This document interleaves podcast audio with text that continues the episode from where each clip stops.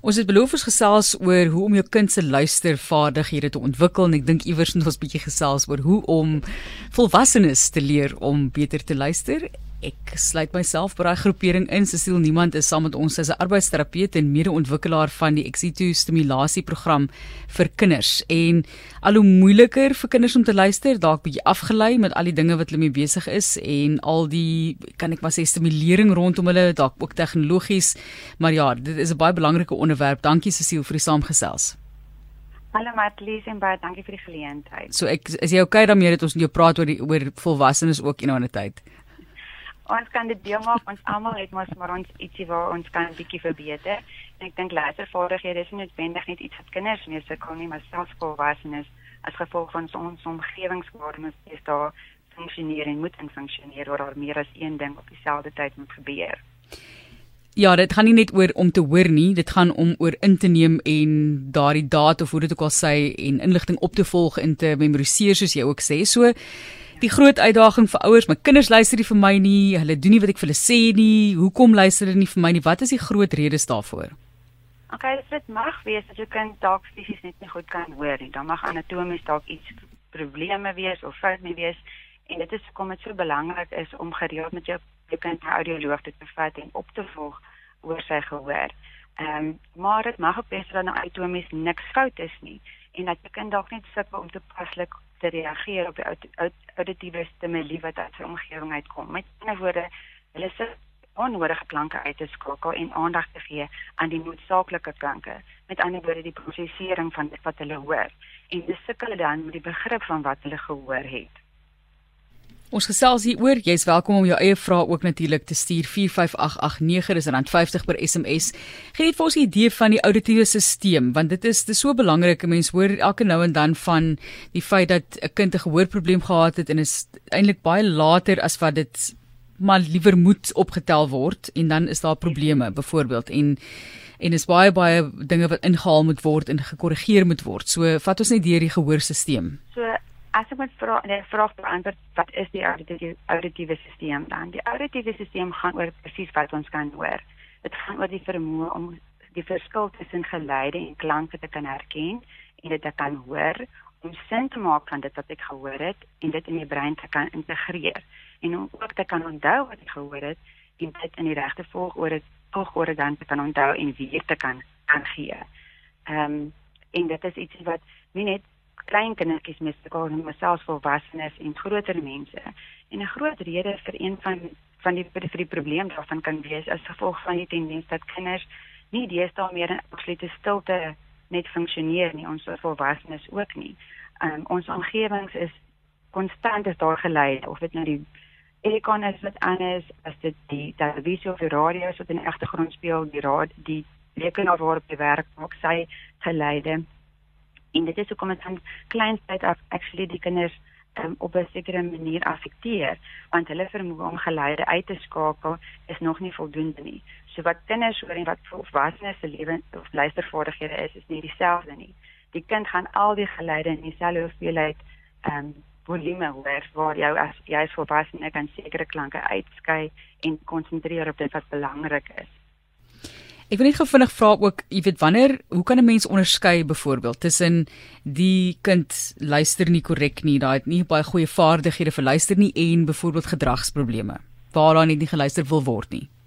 OK, so wanneer jy 'n um, auditiewe diskriminasie probleem het, gaan hy sukkel om te verskil die verskil te kan hoor tussen klanke.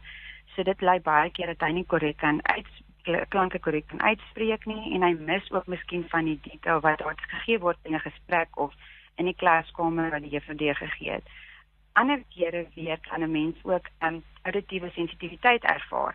So daai persoon sukkel weer om met die hardheid van klanke te kan ehm um, te prosesseer en te kan hanteer.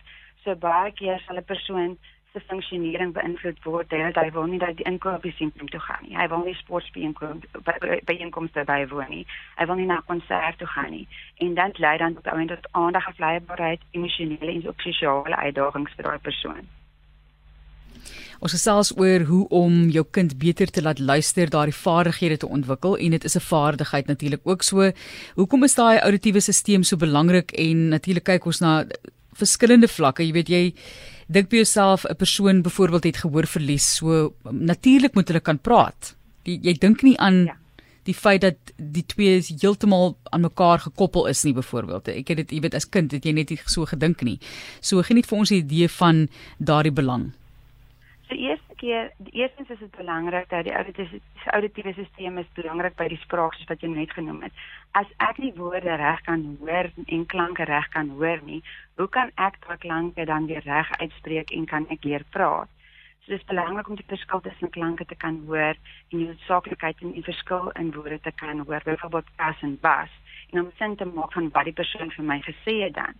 Dit is ook net saaklik vir die instruksies te kan volg en dit te kan onthou en een volgende op een volgende uh, auditiewe geheue is hier so belangrik want jy moet 'n storie kan onthou, instruksies wat vir jou gegee word, 'n telefoonnommer of miskien padaanwysings. Dit speel dus ook 'n groot rol vir kinders by lees en spelling en by leer. Ons het nog hulp ook wat voor lê, daar's praktiese raad, maar eers die uitdagings en watter uitdagings ook Cecile verlaagde prosesering in die auditiewe stelsel teweegbring. So die verlaagde auditiewe responsitiwiteit is wanneer kinders byvoorbeeld ehm um, die inligting kom van vanaf die omgewing na hulle auditiewe stelsel toe of na die oor toe, maar hulle reageer nie want ehm um, hulle reageer soms nie wanneer hulle met hulle gepraat word nie, want hulle is detail en met ander woorde die prosesering van wat hulle hoor is nie voldoende nie. En dit speel natuurlik 'n belangrike rol by geheue en ook om iets te kan onthou en direk met invloed, invloed op hulle skoolfunksionering aan.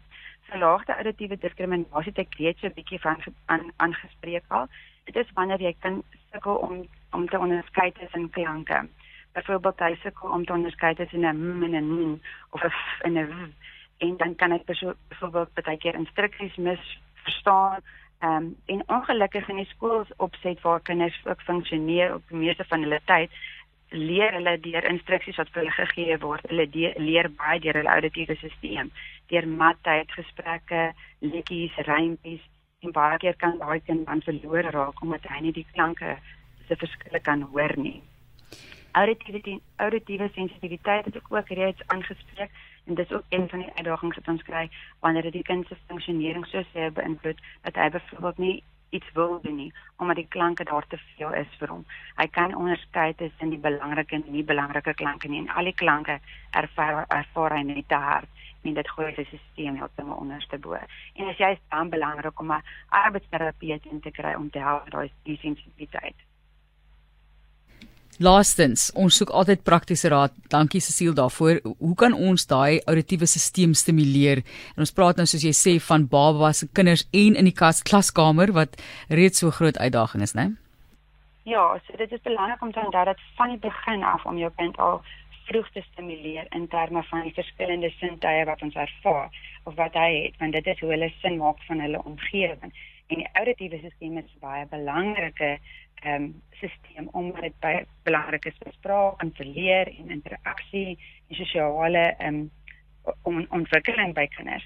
So by 'n babatjie praat met hom soveel as moontlik. En um, het geleentheid vir die blootstelling aan verskillende klanke wat hy kan hoor. Speel musikale instrumentale musiek of kinderliedjies, lees genoeg en van vroeg af vir jou kind al storieetjies. Al is dit net een woord prentjie boeke en maak hulle bewus van harde geluide en sagte geluide en leer gee genoeg tyd vir die aanleer van rympies of liedjies wat belangrik is vir die auditiewe geheue. By jou kinders wat 'n bietjie ouer is, hulle hou van speletjies speel. So iets soos ek pak in my tas is 'n lekker speletjie om te speel vir die auditiewe geheue en veral sommer lekker op die lang pad waar hulle dan moet onthou wat as in die tas gepak word in 'n in 'n spesifieke volgorde. Hulle hou ook van woordjies wat rym en maak hulle bewus van wat se woordjies rym en wat se woordjies klink amper dieselfde. Hulle hou van speletjies soos musical chairs of Simon Says waar hulle instruksies kan volg dit wat hulle na geluister het.